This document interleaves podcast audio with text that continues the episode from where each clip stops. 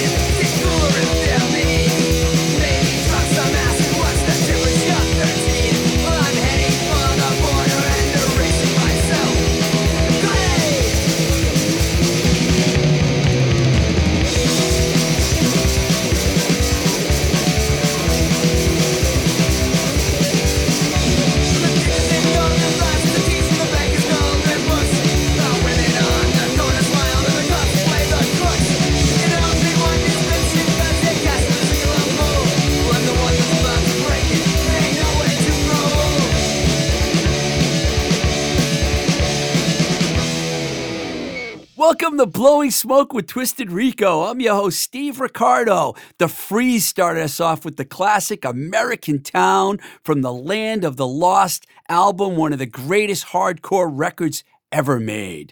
This week, we'll be playing you a Zoom interview that I did with longtime rock manager and A&R guy Alec Peters. So please stay tuned for that. So check this out. I was in New York last week First time in over 10 years. I was asked to come down to Brooklyn to be interviewed for the Roadrunner Records documentary film by director, producer, and all around cool dude, Jim Saxton, the man behind the Temple of Blah podcast, and man, what a blast that was. The interview I did was at the St. Vitus Bar, one of the coolest rock venues around, and I had the pleasure of meeting and hanging out for a while while I was waiting for my interview to start with George, one of the main dudes at the club. Totally cool dude. He gave me a liquid death and now we're friends forever. And then, if that wasn't enough, he gave me a St. Vitus bar hat, which is totally cool. I don't have it on today, but I'll be wearing it. If you've never checked that bar out, and you like your music heavy, it's right on Manhattan Avenue in the Greenpoint section of Brooklyn, which is quite a different neighborhood than it was 20 years ago.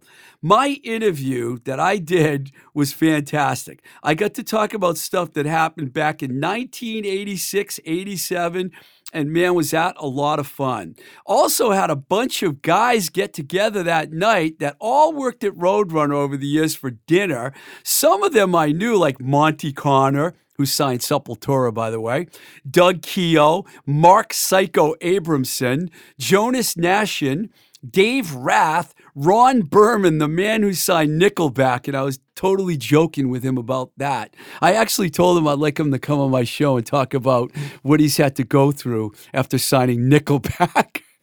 I have similar stories about some of the bands I've signed.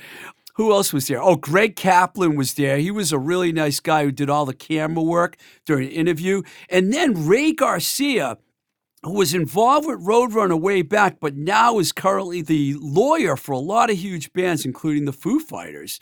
And, uh, you know, like I said, many other acts. The whole thing was a lot of fun. They kept calling me the OG because they all seemed to know that, we that it was myself, along with Holly Lane, rest in peace, that were the first two employees of Roadrunner US.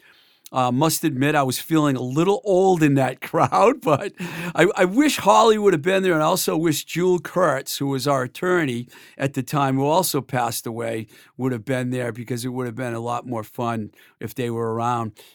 Jim's hospitality was incredible, and I'm genuinely excited about this film, which is probably not going to be out for at least another year, but it's still worth looking forward to. And I also want to mention the hotel I stayed at, the Box Hotel in Greenpoint. What a cool, hipster, chic hotel that place was, man. I would stay there anytime, and I would highly recommend it, but you better have your wallet with you. When you stay there, it's a pretty penny, but it's worth every cent.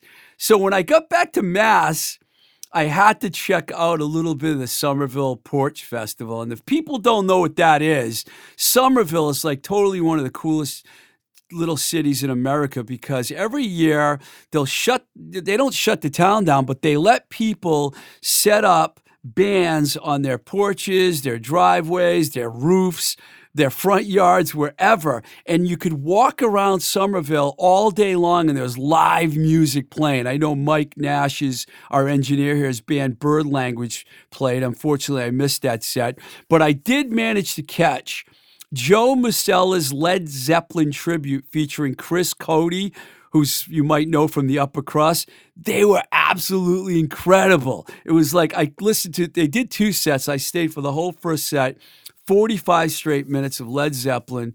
Mind blowing. I also saw John Blout from Watts there and the Dirty Truckers, and it was great hanging out and talking to him. Of course, I love his photography site. I always mention this on the show. He shoots wildlife and he has all these great pictures of eagles and stuff and it was good hanging out with him. And also Ed V was there, who's been on our show, hot off the hot, I should say, fresh off the hot stove show. I almost said hot off the hot stove show, uh, which was at the Paradise. He was also watching the band, and we got to talk for a little while. Ed V told me that they raised $400,000 for Boston area nonprofits supporting area youth and their families at the Hot Stove event this year, which is really cool. Johnny from the Goo Goo Dolls, who I had the pleasure of working with many moons ago while I was at Metal Blade Records, was one of the featured performers along with a ton of great Boston musicians. And of course, Peter Gammons and Theo Epstein were there. So I had quite an eventful week last week. Uh, things actually felt somewhat normal for a little while.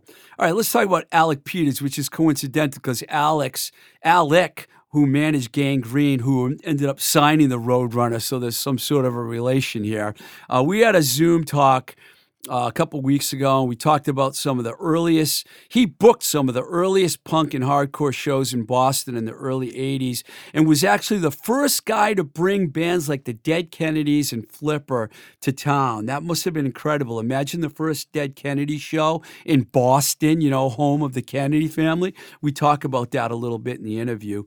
I later went on after Gang Green to become an A&R guy for Mercury Records, Sound Downset, and a bunch of other bands, which we'll talk about. And most recently, Alec is working on an animated film with Chris Doherty called Eddie's Saloon, and yours truly actually got a, got to take part in that. At least my voice did. I played the dirty priest. Man, my I was I honored to be the dirty priest. All right, so this is my talk with Alec Peters, uh, and I hope you enjoy it. Here it is. Hello, Alec. Hey, how's it going, Steve? I'm good, man.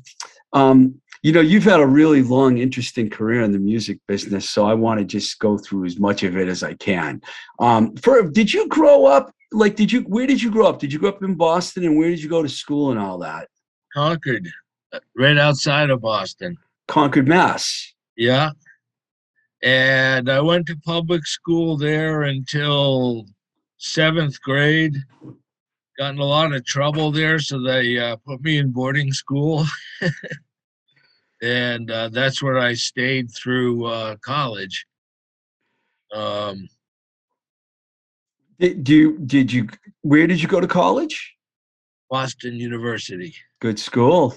BU. Yeah, yeah did not complete the course of study, but that's complete- when I found punk rock. I was in Boston and the rat was right down the road and you know i fell right into it. And i said the hell with these uh, management studies. So you were living in the dorms at bu yes. Wow that's a good neighborhood to grow you know to grow your late teenage early adult years up in. Um so around what years are we talking here? Late 70s early 80s uh my high school class was 78 and so that put me in 82 at bu good time uh, to be in boston. it was an awesome time. It was great. Did you ever play music or did you like just get get involved behind the scenes right from the beginning? No i never played anything. I played a telephone. Very well. Yeah.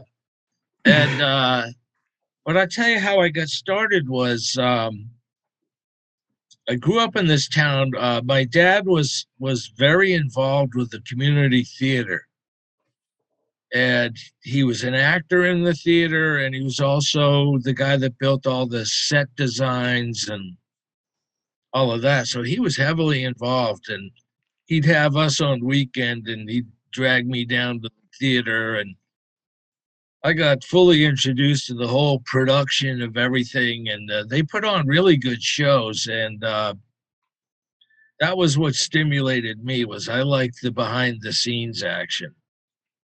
Did you actually do anything at BU, like college radio or or booking shows or anything like that, before you started booking outside of the school? I worked on the uh, the concert committee for one show. We did a Ramones show. Oh, nice. Yeah, yeah, in the uh, the gym. Wow, that's weird because around I think it was 81 when I was at Framingham State, we had the Ramones at Framingham State. 81 or I think it was 81 or 82. I'm think more thinking 81. They might have been doing a New England college tour at that oh, time. Oh yeah, those guys worked a lot. Man. Yeah. They take any show. So uh, you're very well known and famous for like bringing some pretty big bands to Boston. Now, w- was the Dead Kennedys the first big show that you booked in Boston, or the first show that you booked, or were there shows before that one? Oh, there were shows before that actually. Uh, I started doing shows at the Bradford Hotel. Yeah, good place. The ballroom there and uh, what an awesome place to get introduced to the real business uh, in a 1500 capacity room. The place was killer. Yeah. And the people that ran the hotel were wonderful people. It, it, it was kind of a shitter you know uh, it didn't cost a lot to stay there, and uh, it was sort of transient. So uh, you know, you had all these characters staying there, and they didn't mind these big punk rock shows going on in the ballroom. It was crazy. Do, do you remember? Your, so, sorry. I'm sorry. Do you remember your first show that you booked there? Uh, the neighborhoods, Mission of Burma, and La Peste. Holy wow, that's incredible. That was around what year? Uh, no, gosh. Well, um, the la- I was at the last Mission of Burma show, and that was in '83. So, well, they called it the last Mission of Burma show at the time. I, I booked that. Wait a minute, I can tell you, I've got the ticket right here. Yeah, I mean, um, I remember. I remember 1980. Going, no, wow, that was way wow. You 1980 were, was my first show. So that was when the Hoods and La Peste were, and even Burma were all like, well, La Peste had probably been around for a few years, but the other bands were still in their really early stages. Were those good shows? Awesome shows. It packed out. Yeah, it was great. You know, and uh, it was a crazy deal back then. We got the bar. So we had to wow. staff the bar. Yeah, we got the bar. So we had to buy all the booze and the ice and everything it took to run a bar, but we got to keep the whole take. So we did the ticket was five dollars. Uh, and we just filled the room and, and packed it out and sold a lot of beer. That's incredible. To anybody. so what do you remember about that show? Because those are three of the greatest Boston bands of all time, really. Uh it was a lot of fun. Uh, for me, I'm running around the building the yeah. whole time, you know, putting out fires. So you get to stop and watch a show for a while. Like like I always make it a point. I love to go up on the balcony. Oh know, yeah, yeah. And uh, just get a look at the whole thing. And uh, and so I would make sure that I'd go up in the balcony at some point, you know, during the headliner show. I'm pretty sure pretty sure when I was at the the matinee show for Mission of Burma Negative FX, the Dangerous Birds opened that show. I'm pretty sure I was in the balcony watching it because I wasn't like a uh, a pit guy. You know what I mean? A little yeah, too yeah. small. I would have got my ass kicked by the Boston yeah. crew. um, so after that show, they must have been impressed with you, and they said, "Okay, you can do more shows." Is that what happened? Yeah, they said you got the room. You know they they they they enjoyed that we brought the business in. I paid the uh, hall rental and it was a pretty dormant room up until that point. So I booked a bunch more shows. I got hooked into this this uh, company called Frontier Booking International, uh, a company run by Ian Copeland, right? Who's the brother of Stewart Copeland. Yeah, and these guys were the coolest booking agency in New York. And FBI, had, you're talking about, yeah, basically, yeah. They had all the bands that were coming across, and and at that time, you know, it was all stuff coming out of the UK that was coming here, and then it was uh, punk rock out of California. Um, but I was getting all these bands before any of the mainline promoters would touch them.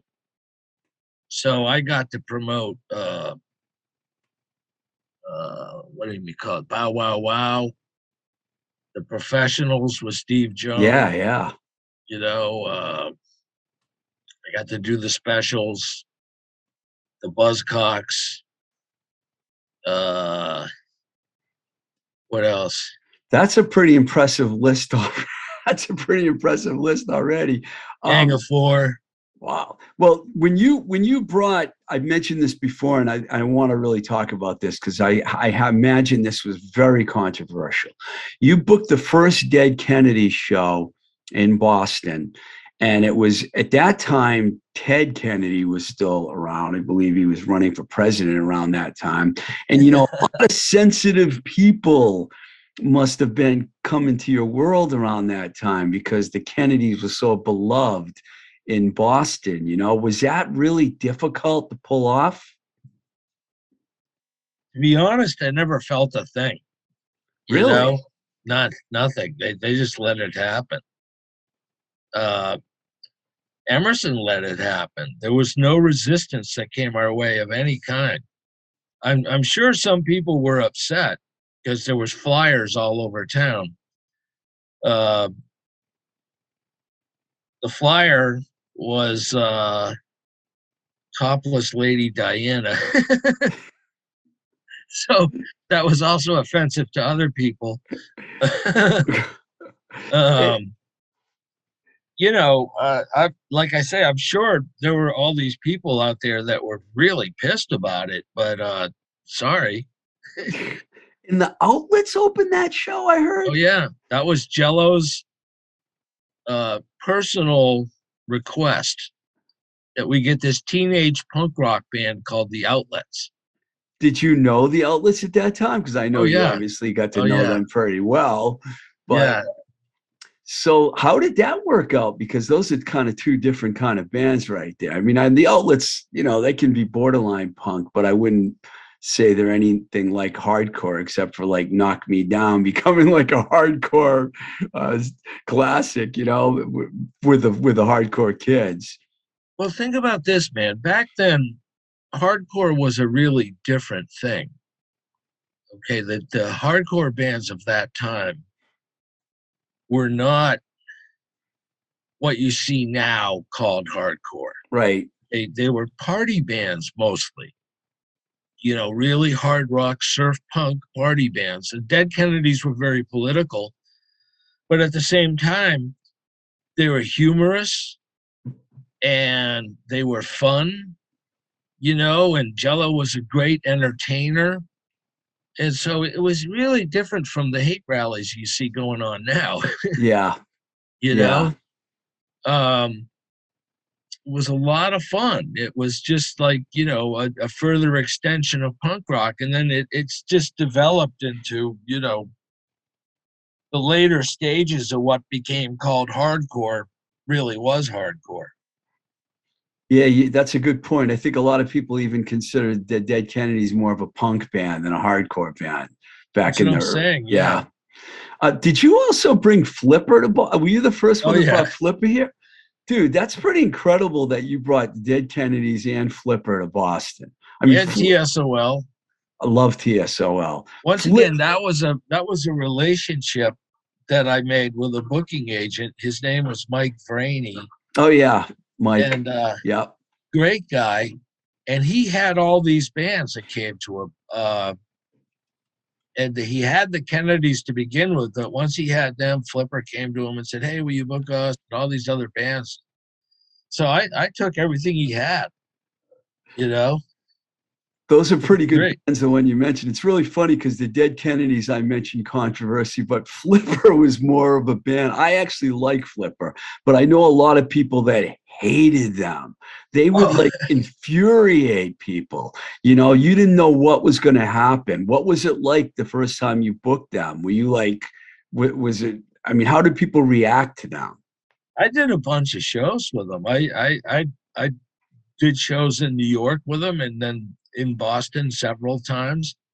And Bruce was Bruce Loose was a loose cannon, you know, and and and he was truly punk rock.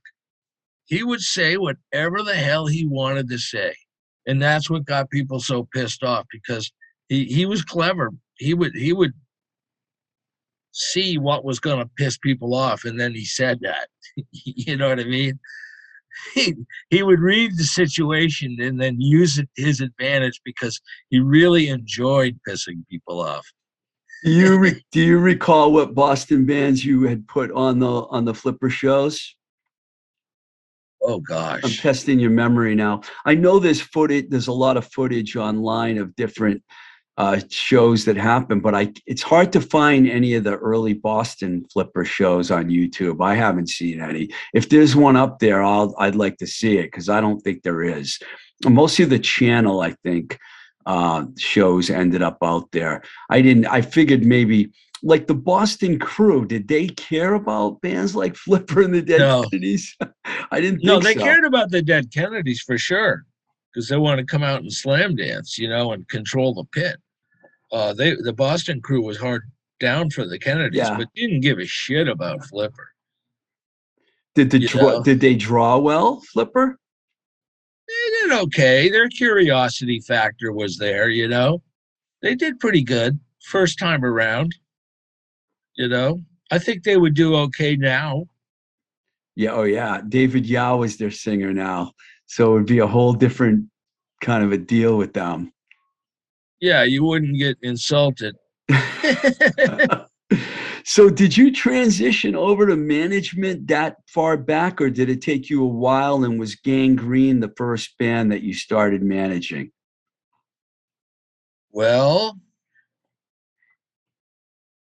uh, yeah, what happened was I uh, I started being pretty darn successful as a promoter mm-hmm. in Boston, and that attracted all kinds of elements political in Boston to be heavily on my case and and uh, shut me down. You know, basically take my ballroom away from me. I, I tried to establish another venue in the South End, and these people rallied against me. The cops said they wouldn't do the show without a hundred people there, a hundred men in detail. So they could license there and you know there was all these political undercurrents going and it was because i was taking a bite out of other people's business. And you can see where they're coming from. They're like hey who the hell are you? You know you're you're stealing shows from us. Yeah. You know what i mean? And uh so i just said okay you know because it's a tough business man. When you're a lone promoter and you do these shows like and you you'll lose ten or fifteen thousand dollars in a night and it just kills you. I'd be back to bartending that monday you know?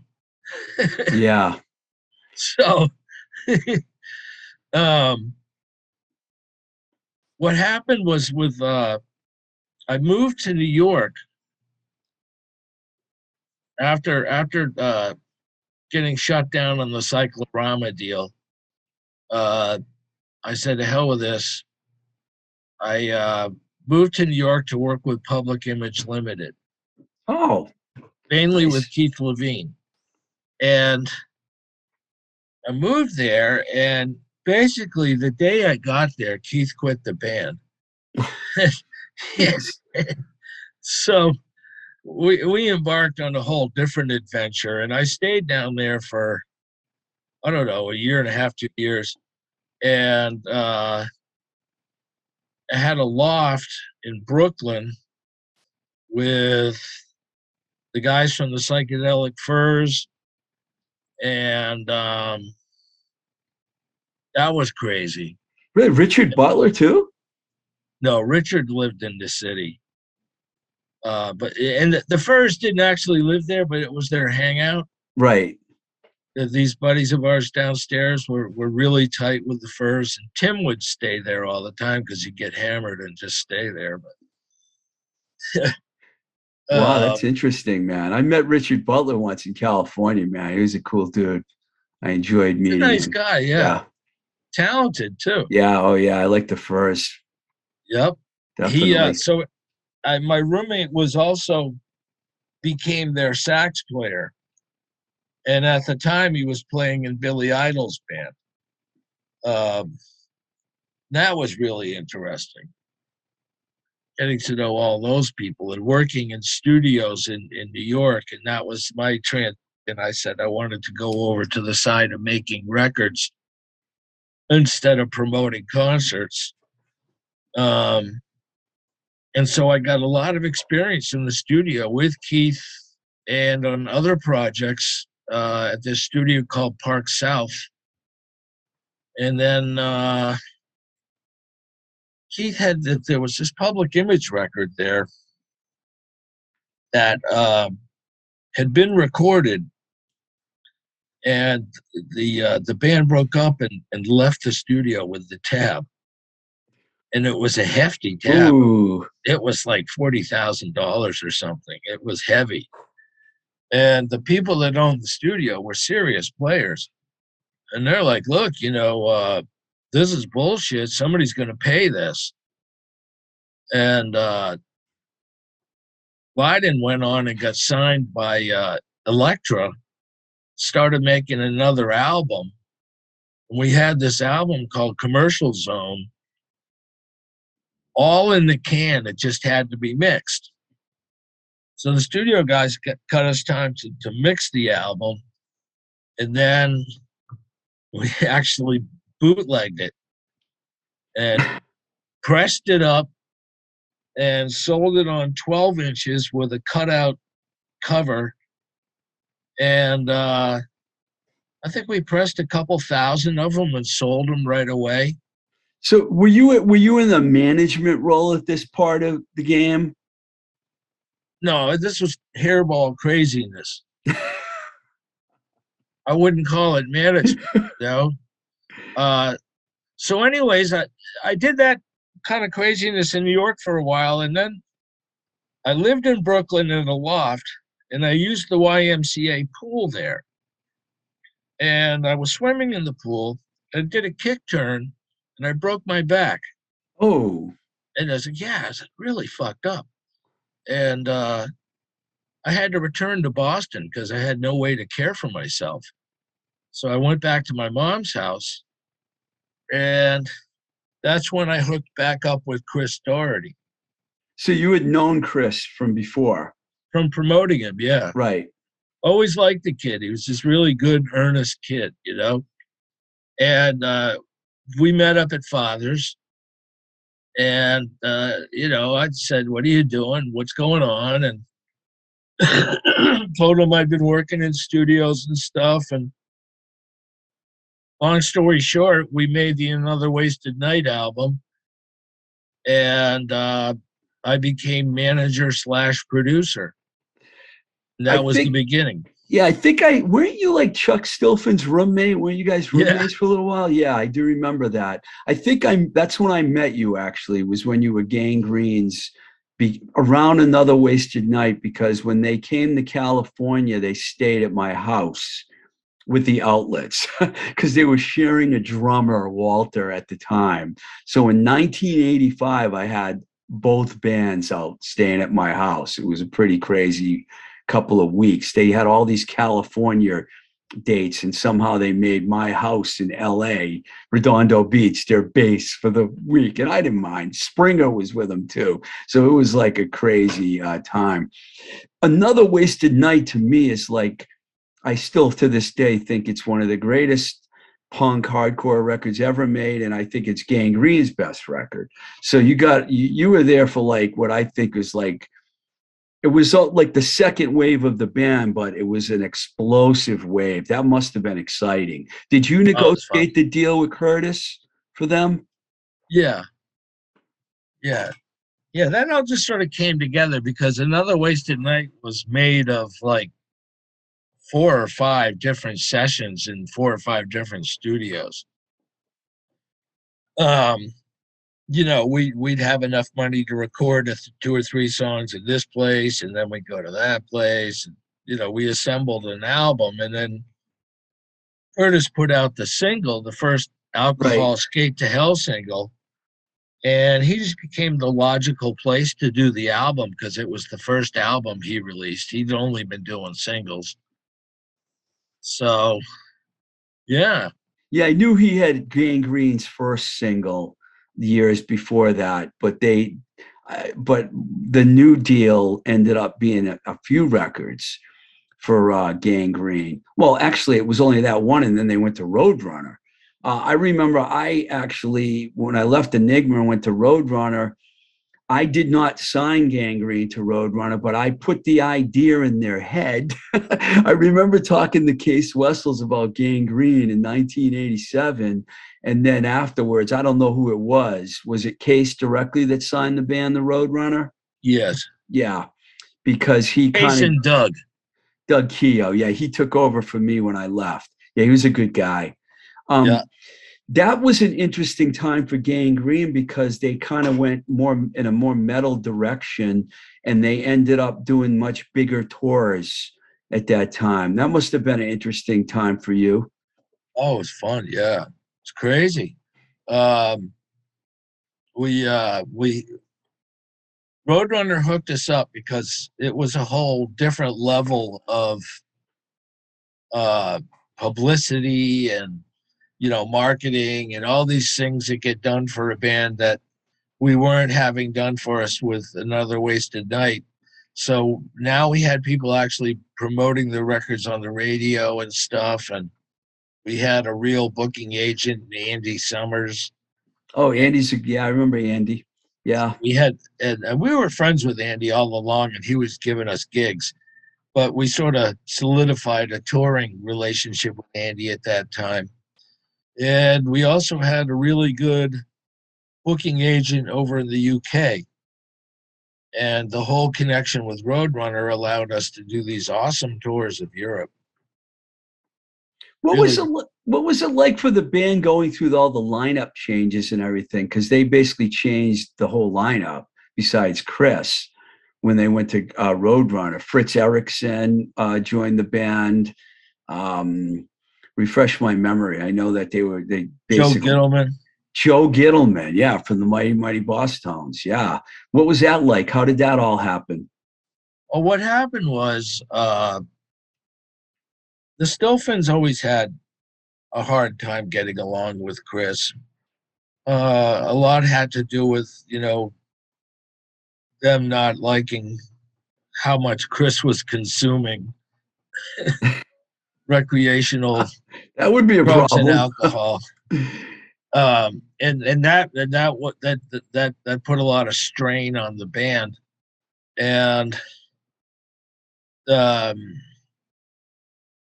like what was the actual reason that that finally Chris got to a point said that that's it, you're out, you know, and uh, he threw Glenn out of the band.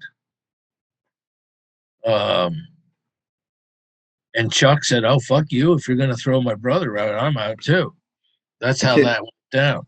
I can imagine that would happen when those guys were all staying at my house. The Stilphens kind of kept to themselves most of the time, and Chris was doing his Chris thing. You know, Walter was in the band at that time too. That was before Brian, but um, yeah, that makes sense. But it's amazing though because the lineups were just as good. You know, I mean, it was like I remember seeing that several versions of Gang Green, and Chris was always the driving force behind the band, you know?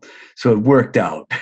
Well, we always had good drummers, you know? Yeah. Started with Walter, and then we went to Brian, you know, and won the Rumble and did everything else with Brian. And, uh, you know, Bad Brains loved Gang Green we did a bunch of shows with them. And Darryl would come out and watch Brian play. And uh, he really loved Brian's playing. Yeah, really he's a great drummer. Great, yeah. Yep, um, great person too. Yeah. I'd like to get him on the show sometime, actually. Um, you ended up, I'm going along quickly here because you got a lot of stuff, Alec. you ended up getting an elusive A&R gig at Mercury Records. And I was wondering, because I don't know this for sure, but because I hung out with Clover in California at a polygram convention. Did you, were you managing Clover and then Mercury said, we want you to come work for us or how did that all come together the clover oh no Mercury? no no. What happened was uh managing Gang Green and malaya rage uh doing pretty good. All my bands are touring touring europe and stuff. And i went out to see Gang Green in uh los angeles or I planned to go see Gang Green in Los Angeles, but Roadrunner pulled our tour support. So we didn't get to go and play the show at the country club with Social Distortion, which would have been awesome. But I had my trip already booked. So I said, hell with it, I'm going anyway. And I went out there and uh, had a couple beers at the show and uh, normal show, nothing, you know, uh, out of the ordinary. And then the next morning, I woke up and I had a bit of a headache. I was like, shit, man, I, I wasn't even drinking hard. Uh, it, uh, and long story short, that day I had a brain aneurysm I remember that. while Yeah. jet skiing in Malibu. Yeah. and uh, that put me on the sidelines for a while. And and to come out of it, I went to um, Metallica's managers, and asked them if they wouldn't help me find a job, and they did. They gave me a list of companies. They called ahead and uh, sent me to Epic and Mercury and uh, I think Atlantic. Anyways, I got the job at Mercury and I signed a southern rock band called Copperhead. That was the first signing. I did a record with Tom Dowd, famous producer Yeah, oh, yeah, very famous. and uh, yeah, he he taught me all about how to make records. And um, then I signed the Bosstones and Downset also, right? Downset and Bruce Dickinson. Wow, I didn't realize you signed that many people to Mercury. Wow. But you had nothing to do with Clover. Oh no, I invented Clover. Which We was were- an all-star band, by the way. Uh, Mike Stone, Darren Hill, Brian, and Chris Doherty. That was a hell of a lineup, man. We were in a in an A and R meeting. Mercury was in a slump, and we were getting our ass kicked by everybody. And in the A and R business, you get bands with a buzz that come along, and you know all the hot lawyers have these bands. This is back in the '90s. It's way different now. Back then, you'd have a hot lawyer, say Rosemary Carroll. Yeah. Everything Rosemary handles gets into a bidding war. She's very good about selecting the music she handles. So all of her stuff is really good. And she also, because she is who she is, she gets to pick from the best. So consistently, her bands are getting bidding war deals. And those are bands like Stone Temple Pilots and Green Day and all these kinds of things. And we're in an A&R meeting and my boss Ed is saying, well, "What the hell's going on here? Where's my Stone Temple Pilots? Where's my Green Day? Why don't I have one of these bands? What's up with you guys?" And I said, "Ed, uh, permission to speak." He's like, "Yeah." I said, "Well, dude, we're Mercury. We're cold as a stone. We we we just none of these lawyers will touch us. We haven't broken a band in a long time." And uh, he's like, "Yeah." I said, but I do have an idea for you. He's like, what's that? I said, well, I've got a collection of songs and a group of people, and I can make a record for you that'll have hits on it. You'll be able to go to radio and put them right up against Green Day. And he's like, really? All right, I'll back you on that. so, along with producer Roy Z, we we put up a session and and uh, uh, the song we were uh, banking on was All Kinds of Girls by the Real Kids. And the band also wrote the whole album while they were together. And uh, Chris was originally going to be the singer. Um, and then the, uh, the, the the label heard his singing and he said he's not going to get on the radio. Uh, uh, get another singer. and you know, this is the, the way this band came together. It's like, oh, okay. Um, so we we got uh, a lead on Mike Stone as a bass player. Turns out he's a blazing guitar player Yeah. and He's a hell of a good Queensryche singer. now. Yeah, he's a hell of a good singer. Yeah, he's just a major, major uh, talent. And we got him aboard, and so Clover was very much of a real band. I asked them when I got fired from Mercury. I asked them. I said, "You fuckers better let me manage you now," and they said no. really? Wow. Yeah, they said no. So, Uh, uh, unfortunately, nothing happened with Clover. it, it, it, Should have. it, I agree. I like those guys. I, I, I know, I know them all. Really, I Brian's the one I know the least, but the other three guys I've known Darren forever, and Mike Stone I've hung out with many times, and Chris is a good friend. You know, so I was like, uh, I remember at the Polygram convention in San Diego, hanging out with those guys. It was a hell raising time for sure. I don't know if you were there. It was in San Diego, and uh, it might have been after you were le- you were gone from. Was it? I Could be- was gone. I was gone before the record came out. yeah. Well, um, I want to get to the your film project because Yes. um, I don't want to run out of time here. Tell me about the film project you're working on. Give me the whole scoop on it. Okay, well, Chris had his stroke like three years ago. And at first, he was having a hard time communicating. And, you know, it was a it was a tough time. And I was just calling him every day to uh, encourage him and get him on the phone and talk, you know. And uh, I told him, I said, Chris, I'm never going to leave you behind. I'm going to keep calling you every day till you get better, you know. Uh, so we kept on talking and he got better and other people were talking to him and he got better and better and so did the stories we'd tell. We'd tell these stories from back in the day and that's what we would talk about. And i started taking notes because i am a screenwriter. And one day i said to him i said chris you know uh, this is crazy but we're, we're talking about a screenplay here this is some really funny shit. And he's like okay let's do it that way. And then we we we put a purpose to our conversations. And it took a couple of months uh, maybe more but we had all of the incidents and characters and you know quotations and everything that amounted to eddie's saloon. And the idea was always to animate it. So I had it, uh, I put it into animation. Um, really looking forward to making this movie. So I stuck my neck out there and I uh, contacted the animators, got involved and it, spent every last cent I had.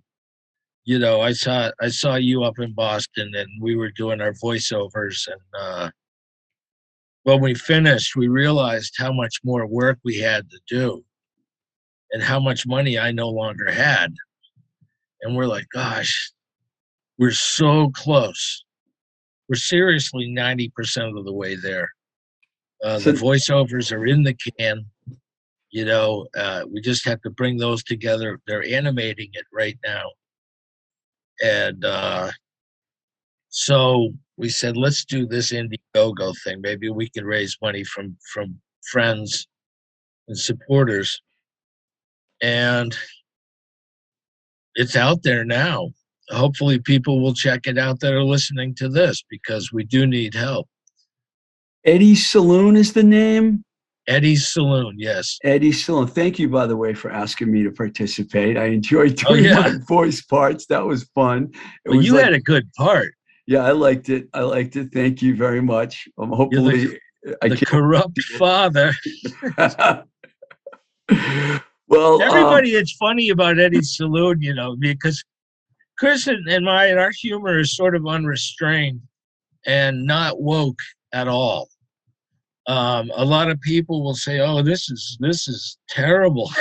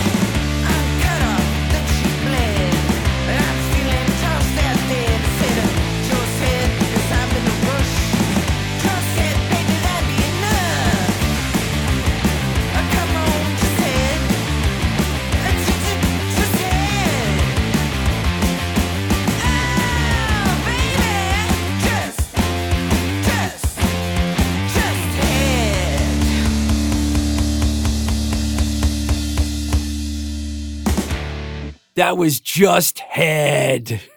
One of the all time great Boston tunes, but that wasn't the Nervous Eaters doing it. That was the version by the Pittsburgh Punkers, the Homicides, Daisy Valentine and Company, a band that I got to see several times in Pittsburgh and became friends with. Awesome band. I know our interview ended rather abruptly. It was all, it was weird. We're in the middle of the Zoom and all of a sudden, bing, everything just died. But you know what? It seemed to end in the right spot. So we talked about it. We said, let's just leave it like that. So we left it like that. Alec Peters is a really nice guy, and I definitely enjoyed talking with him. And, um, you know, it was a lot of fun, man. This whole show's been fun, if you ask me. It's a fun show. So, if you're really enjoying these fun podcasts, please head over to our Patreon page at patreon.com forward slash twisted rico, where you can support the show. You can do the same at anchor.fm forward slash blowing smoke tr.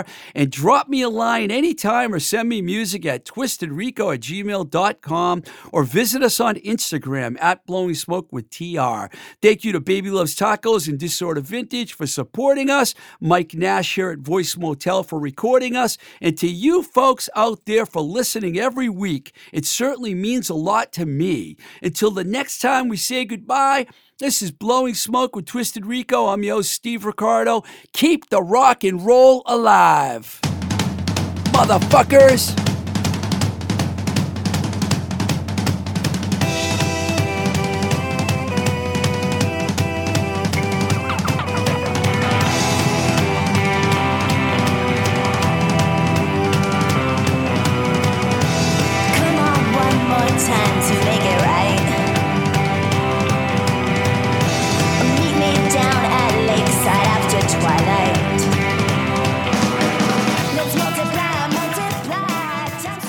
Voice is recorded at Voice Motel, voicemotel.com, your complete podcast recording experience, located in Union Square, Somerville, Massachusetts.